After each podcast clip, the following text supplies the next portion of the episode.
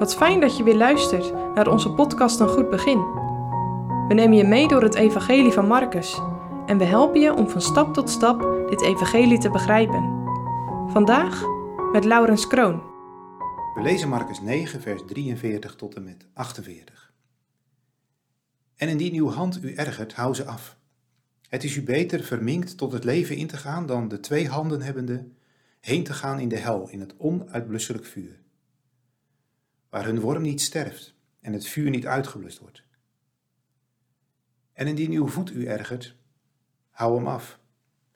Het is u beter kreupel tot het leven in te gaan dan de twee voeten hebbende geworpen te worden in de hel, in het onuitblusselijk vuur, waar hun worm niet sterft en het vuur niet uitgeblust wordt. En indien uw oog u ergert, werp het uit. Het is u beter maar één oog hebbende in het koninkrijk Gods in te gaan, dan twee ogen hebbende in het helse vuur geworpen te worden, waar hun worm niet sterft en het vuur niet uitgeblust wordt. Het verhaal gaat dat een struisvogel zijn kop in het zand steekt als er gevaar dreigt. Ondanks het feit dat dit verhaal niet klopt, een struisvogel gaat eerder het gevecht aan of rent als snelste landdier op twee voeten heel hard weg. We hebben aan deze mythe wel een spreekwoord overgehouden: je kop in het zand steken. Oftewel, de waarheid niet willen zien. Bijvoorbeeld, wanneer je de weg kwijt bent, gewoon door blijven lopen. Of je hebt de boodschap gekregen dat je ernstig ziek bent, maar je ontkent dat. Dan steek je je kop in het zand. Misschien herken jij dat ook wel. Als je denkt aan het oordeel aan het einde van de tijd, als de Heer Jezus terugkomt. Dan zal er eeuwige blijdschap en vrede zijn voor Gods kinderen. Maar ook een eeuwige nacht voor allen die hebben geweigerd dat Jezus koning over hun leven zijn zou. Het is ook huiveringwekkend om te denken aan de hel, aan die eeuwige nacht, dat eeuwige vuur, die ondraaglijke pijn. Je wilt er niet aan denken. Je steekt je kop in het zand. En dat terwijl de Heer Jezus in dit gedeelte uit het Marcus-evangelie heel duidelijk spreekt over de hel als een plaats van onuitblusselijk vuur, waar de worm niet sterft en het vuur niet wordt uitgeblust. De worm is in de Bijbel het beeld van ontbinding. Samen met het vuur leidt het tot de totale vernietiging. Er blijft niets over.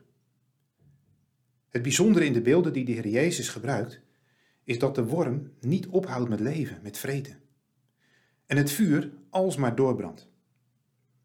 Het einde van het ontbindingsproces van de vernietiging komt nooit in zicht.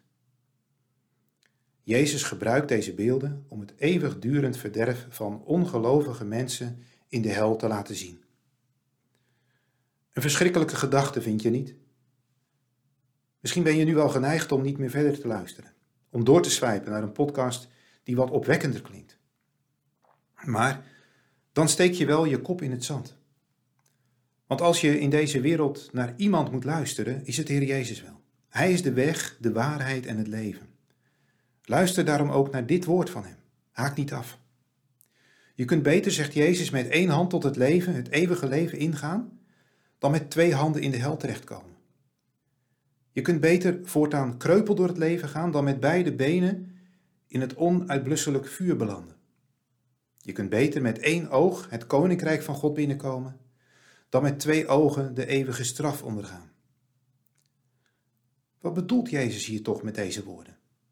Nou, de hand, vers 43, de voet, vers 45, en het oog, vers 47, worden door ons zondige ik gebruikt om ons doel te bereiken.